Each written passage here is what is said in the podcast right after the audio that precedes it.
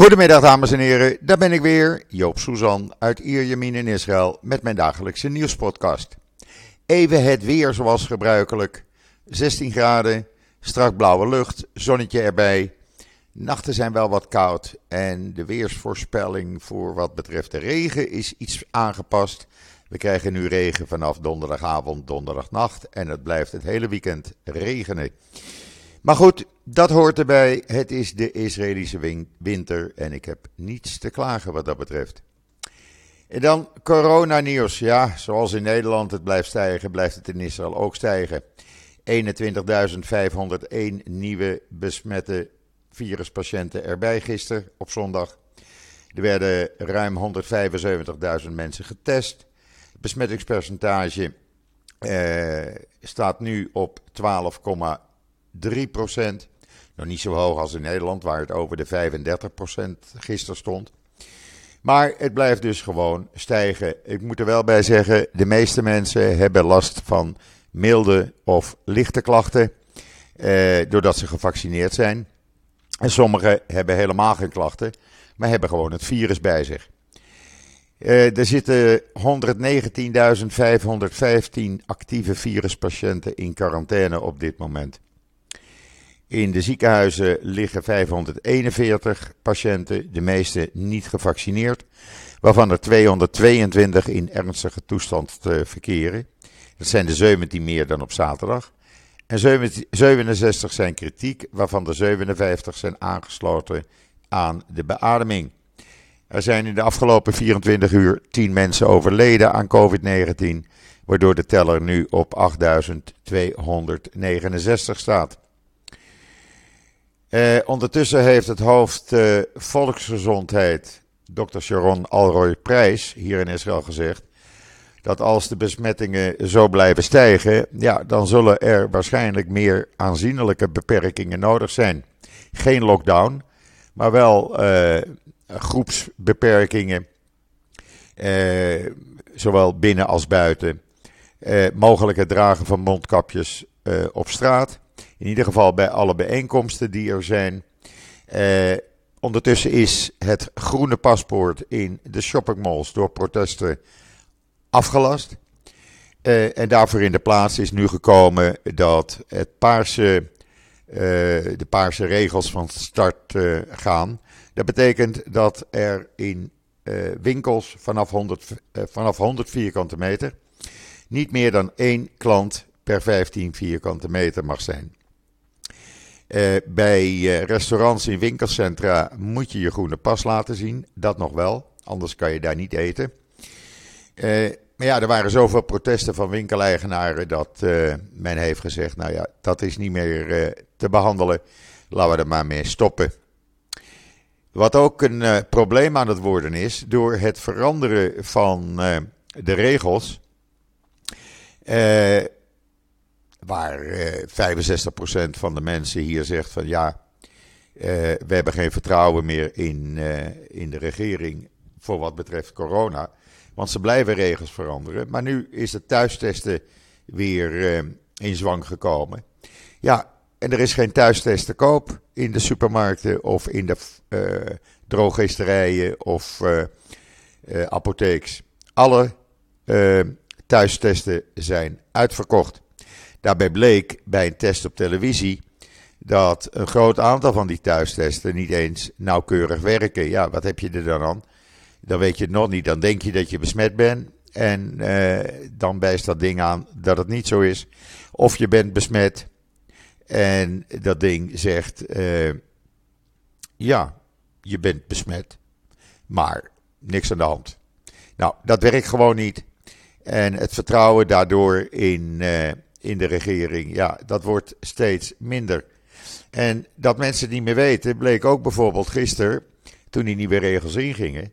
Want het ministerie van uh, Gezondheid was niet meer te bereiken telefonisch. De lijnen waren compleet overbelast. Niemand kon uh, informatie krijgen. Mensen zijn uh, in plaats van die thuistesten dan te doen, zijn er toch heel veel naar testcentra gegaan. Die raken ook overbelast. Ja, het is een vicieuze cirkel. Even een slokje water, sorry.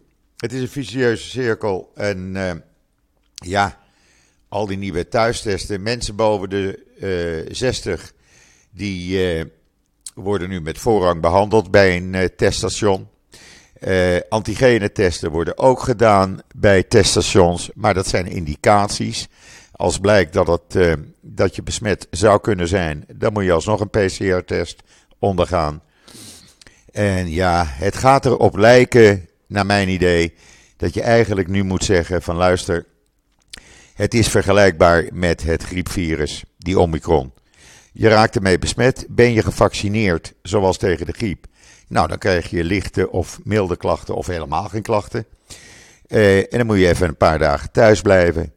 En ben je niet gevaccineerd, ja, dan, uh, dan word je ziek. En dat is met de griep ook zo. Er liggen nu bijna 3000 mensen trouwens in het ziekenhuis die niet gevaccineerd zijn uh, tegen de griep. Dus ook dat komt er nog eens een keer bij. Dan is in Israël de eerste patiënt geconstateerd met een hartontsteking waar het verband wordt gelegd met de Omicron-variant. De man van 43 was eh, voor het laatst gevaccineerd begin augustus. Daarna niet meer en is nu gisteren opgenomen in het ziekenhuis met een hartontsteking. Het was bekend dat je na vaccinatie dit zou kunnen krijgen, maar het blijkt nu ook uit onderzoek dat je door de Omicron-variant ook een hartontsteking zou kunnen krijgen. En dan heeft Duitsland niet gevaccineerde of onvoldoende gevaccineerde Israëli's ook op uh, de lijst geplaatst van mensen die bij aankomst in het land vijf dagen in quarantaine moeten, totdat er bekend is of ze al of niet besmet zijn. En dan triest nieuws voor president Herzog. Zijn moeder, 97 jaar oud, is vannacht overleden. Ze wordt uh, later vandaag begraven waarschijnlijk. En uh, daarna begint dus een rouwperiode van zeven dagen.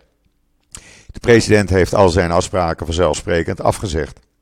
Zijn moeder, Ora Hartzig, Hart Herzog, was de vrouw van zijn vader Chaim Herzog, president van Israël. Uh, de zesde president, om het uh, even duidelijk te zeggen. En ze wordt begraven op het stuk, op het gedeelte van Mount Herzl waar ja, de leiders van het land begraven liggen. Zij was erg actief. Zo heeft zij opgericht in Israël, en dat wordt gezien als haar leven, levenswerk, de Council for a Beautiful Israel. Dat was de eerste milieuorganisatie in Israël. En die heeft ze 40 jaar lang geleid als vrijwilligster. Uh, natuurlijk was ze van allerlei andere organisaties lid. Eh, zowel sociale als maar ook van de omroepautoriteit. Eh, ze was voorzitter van de Vrienden van het Snijder Medical Center, het kinderziekenhuis. Eh, en eh, ze was lid van de Raad van Gouverneurs van het Tel Aviv Museum. Ze heeft ook de Chaim Herzog Foundation opgericht in 1997. Uh, dus ja, het is iemand die heel veel gedaan heeft voor het land. En ja, ik zal president Herzog via social media ook de condolences overbrengen. Maar zij heeft een mooie leeftijd bereikt. En dan, uh, gisteren had ik al gezegd dat de grenzen open zijn voor iedereen die Israël wil bezoeken. Nou, het wordt nog makkelijker gemaakt. Op israelnieuws.nl ziet u de link naar deze nieuwe website die er nu is opgericht voor iedereen die Israël wil uh, bezoeken. Daar zijn uh, drie secties in. Hoe plan je je reis? Wat eh, voor uh, zaken heb je nodig om, voordat je gaat vliegen? welke documenten om het land binnen te komen? Dan, wat moet je doen tijdens je verblijf? Daar staan onder andere alle COVID-19 testcentra in Israël in. En uh, wat je moet doen als je denkt dat je besmet bent. En het derde gedeelte is voordat u ons verlaat. En dat betekent dat daar alle informatie te vinden is waaraan je moet voldoen voordat je uh, aan boord van je vliegtuig terug naar Nederland kan. Het is een hele duidelijke website, voorlopig alleen in het Engels. Maar hij komt in meer talen de komende dagen beschikbaar. Maar ach, iedereen spreekt toch Engels. En anders even vertalen met Google Translate. Hij staat dus op israelnieuws.nl. En dan uh, het Israël Nationaal Bureau voor Toerisme in Nederland is natuurlijk dolblij dat de grenzen weer open zijn. Want uh, Dana Gazit, ze stuurde mij het persbericht. En ze is directeur van het uh, Israëlisch Nationaal Bureau voor Toerisme in Nederland. En die zegt: Met beter nieuws had 2022 niet kunnen beginnen. Israël is open voor toeristen die volledig gevaccineerd zijn of hersteld zijn. En uh, ja, iedereen kan weer van het land gaan genieten. Er zijn vijf maatschappijen, zegt ze, die rechtstreekse vluchten vanuit Amsterdam of andere pla plaatsen, Eindhoven, naar Israël uitvoeren. Uh, prijzen zijn niet te duur. En ja, kom gewoon. Ik heb dat gisteren ook al gezegd. Gewoon komen. Het land is, het weer is lekker. Ja, af en toe een regenbuitje. Maar nu is alles lekker goedkoop. Uh, er zijn weinig toeristen. En je kan overal naartoe. Alles is open. Restaurants, coffeeshops, winkels. Uh, je kan gewoon doen zoals je altijd doet. Ja, het enige is dat je in publieke plekken dus een mondkapje moet dragen. Nou, dat is uh, voor niemand een bezwaar. Dus ik zou zeggen, gewoon lekker komen naar dit prachtige land. En dan de financiering van Israëlische technologiebedrijven in 2021 is bijna verdubbeld. Dat is opgelopen tot 26 miljard. Dat zijn, uh, is een behoorlijk bedrag. En daar waren 780 deals bij uh, betrokken. In 2020 waren er dan nog 604 deals voor 11 miljard. Uh, en dat zijn grote deals geweest. Deals waarbij bedrijven voor honderden miljoenen investeerders kregen. In het artikel kunt u precies zien welke bedrijven, zoals UB, UBQ Materials, die kregen 170 miljoen aan investeringen. Uh, uh, no Name Security 135 miljoen. Uh, geneesmiddelen, ontwikkelingsbedrijf Therapeutics 120 miljoen, ja, en zo gaat het maar door. De First Digital Bank van Israël, die heeft gewoon 120 miljoen opgehaald. Uh, ja, en zo gaat dat maar door. Allemaal te lezen op israelnieuws.nl. En dan Iran. Ja, die gesprekken in Wenen, die zijn nog steeds aan de gang natuurlijk. Nou, daar hoeven we niet veel van voor te stellen, want Iran heeft gezegd... Uh, ja, uh, een duurzame uh, en geloofwaardige overeenkomst willen wij. En geen overeenkomst zonder deze twee componenten zullen wij accepteren. Nou, dat is precies het tegenovergestelde van wat Amerika en de Europese landen willen. Dus ja, een overeenkomst, nou ja, ze kunnen kletsen als brugman. Maar uh, ja, het, uh, naar mijn idee zit het er voorlopig niet in. En dan even een slokje water hoor. En dan is vanmorgen het proces tegen premier, ex-premier Olmert begonnen, aangespannen door ex-premier Netanyahu. Dat is een proces wegens belediging. Nee, de familie Netanyahu vond dat ze beledigd waren. Toen uh, had Netanyahu gisteren nog op de valreep gezegd aan de rechter: Ja, luister, het is zo druk om negen uur. Uh, wanneer uh, de rechtszaak begint, kan het niet om tien uur starten. Nee, heeft de rechter gezegd, dan ga je maar een half uurtje eerder van huis. Je weet al maandenlang wanneer deze rechtszaak gaat plaatsvinden.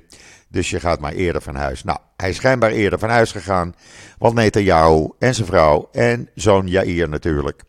Die waren op tijd in de rechtszaal waar ze 837.000 shekel eisen. Zo'n 238.000 euro volgens aan, wegens aantasting van hun goede naam in het openbaar. Want wat had Olmert namelijk gezegd? Naar zijn idee is deze familie, uh, dus Netanyahu, zijn vrouw Sarah en zijn zoon Jair, die zijn geestesziek en die moeten zich eens door een uh, psychiaters laten onderzoeken. Nou, toen vroeg de rechter vanmorgen aan Olmert, hoe kom je bij die uitspraak? Ja, zegt hij, ik heb het aan allerlei specialisten gevraagd. En iedereen heeft gezegd, ja, deze familie heeft psychologische problemen. En die moeten zich daarvoor laten behandelen. Uh, hij voegde er nog aan toe: wat niet kan worden verholpen is de geestesziekte van de premier en zijn vrouw en zoon. Dat is niet meer te repareren. Ja, uh, Netanyahu en vooral zijn vrouw en zoon Jair natuurlijk uh, over de rooien. En die willen nu geld zien. Nou, dit wordt natuurlijk een feest vandaag. Het hele land kan daar weer van genieten. en ja, het is één sarcasme, al sarcasme. En eens kijken wat de rechtbank hierover gaat zeggen en wat er nog meer uitkomt. Uh, ik moet er wel even bij zeggen, Olmert uh, heeft al een jaar gevangenisstraf uitgezeten. Uh, volgens ja, fraude. En Netanyahu staat nu terecht wegens fraude en oplichting. Nou, ze kunnen elkaar dus aan, zal ik maar zeggen. Benieuwd hoe dit gaat worden. De roddelpest, de roddelpers ze genieten ervan. En de televisiejournaals vanavond, weer vol natuurlijk, gisteravond begon dat al. Ja, waar een klein land groot in is, zullen we maar zeggen. En dan wordt er op dit moment gevochten tussen jonge uh, kolonisten en uh, de politie. Want er wordt op de Westbank een kleine illegale nederzetting ontruimd. En dat vinden zij niet leuk. Iran trouwens eh, wordt hele goede, of is hele goede vrienden met eh, China aan het worden. En die zijn nu aan het bespreken hoe ze een strategische over, overeenkomst tussen Iran en China zo snel mogelijk kunnen ondertekenen. En eh, waarbij Iran hulp krijgt, economisch en op andere gebieden van China.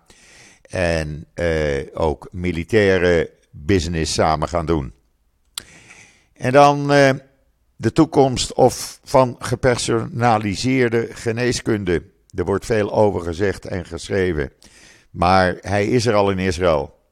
Dat betekent, uh, ja, er is een bedrijf, Progenetics, opgericht in 2015. En dat overbrugt de kloof tussen standaardgeneeskunde en de geavanceerde oncologische diagnostische diensten, die nu al beschikbaar zijn in Israël.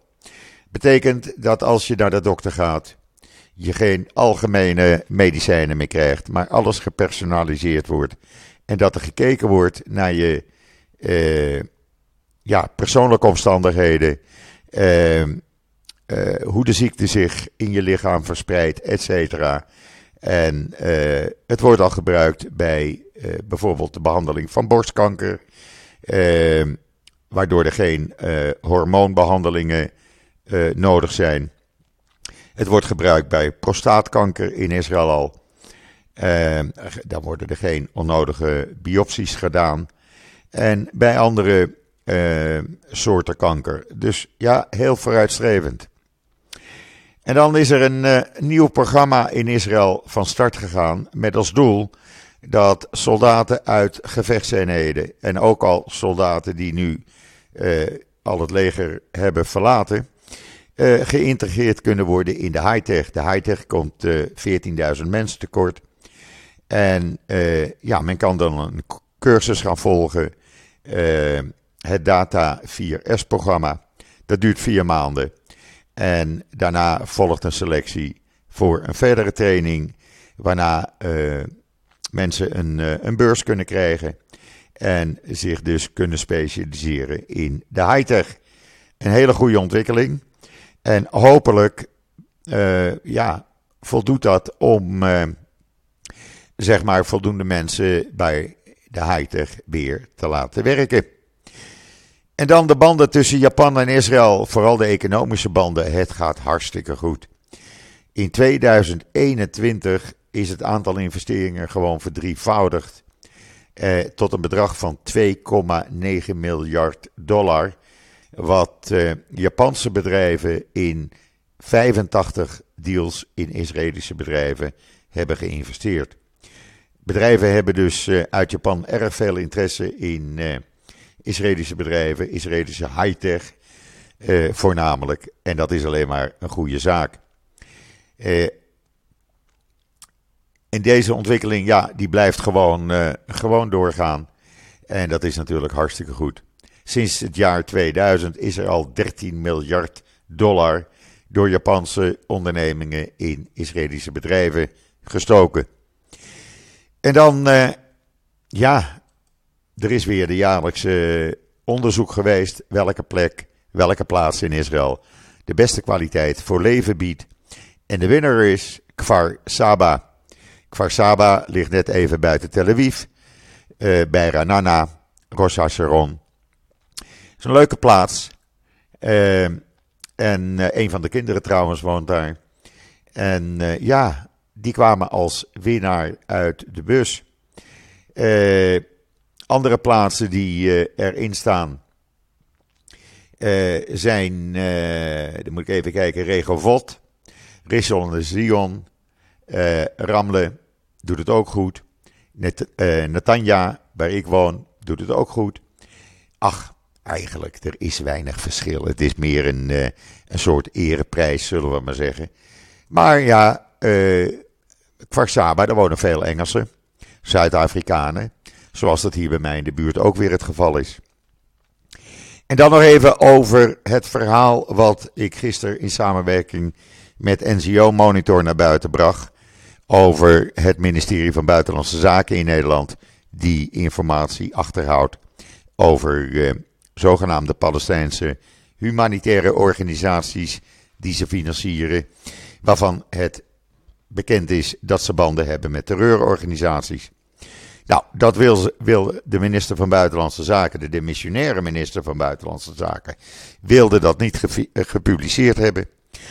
Ik ben inmiddels gebeld door Raymond van Roon van de PVV, die mij gezegd heeft: Joop, ik ga hier absoluut mee door. Heb je meer informatie, laat het me weten. Maar ik ga aan de nieuwe minister uh, vragen stellen. Ik wil openheid van zaken. En ik zal kijken welke collega's in de Tweede Kamer met mij mee willen doen. Hopelijk uh, wordt men een beetje wakker, want het kan niet zo zijn dat uw belastinggeld wordt gebruikt voor zaken, ja, die uh, met terreur te maken hebben. Het zou toch een beetje van te gekken zijn als er binnenkort weer een aanslag wordt gepleegd in Israël. Uh, op uh, doelen in Israël of op Joden in Israël. Door Palestijnse terreurorganisaties. Die gefinancierd zijn via een omweg door de Nederlandse minister van Buitenlandse Zaken. Zover hoop ik zal het niet komen. We houden die zaak in de gaten. Ik ben daar druk mee met NCO Monitor. En hopelijk uh, breng ik binnenkort meer nieuws hierover. Want dat het stinkt, ja, dat mogen we wel zeggen. Goed, sorry. Dat brengt mij tot het einde van deze nieuwspodcast alweer. Van maandag de 10e januari. De tijd gaat snel. Rest mij u nog u allemaal een hele fijne voortzetting van deze maandag toe te wensen. Ik ben er morgen weer en zeg zoals altijd: tot ziens, tot morgen.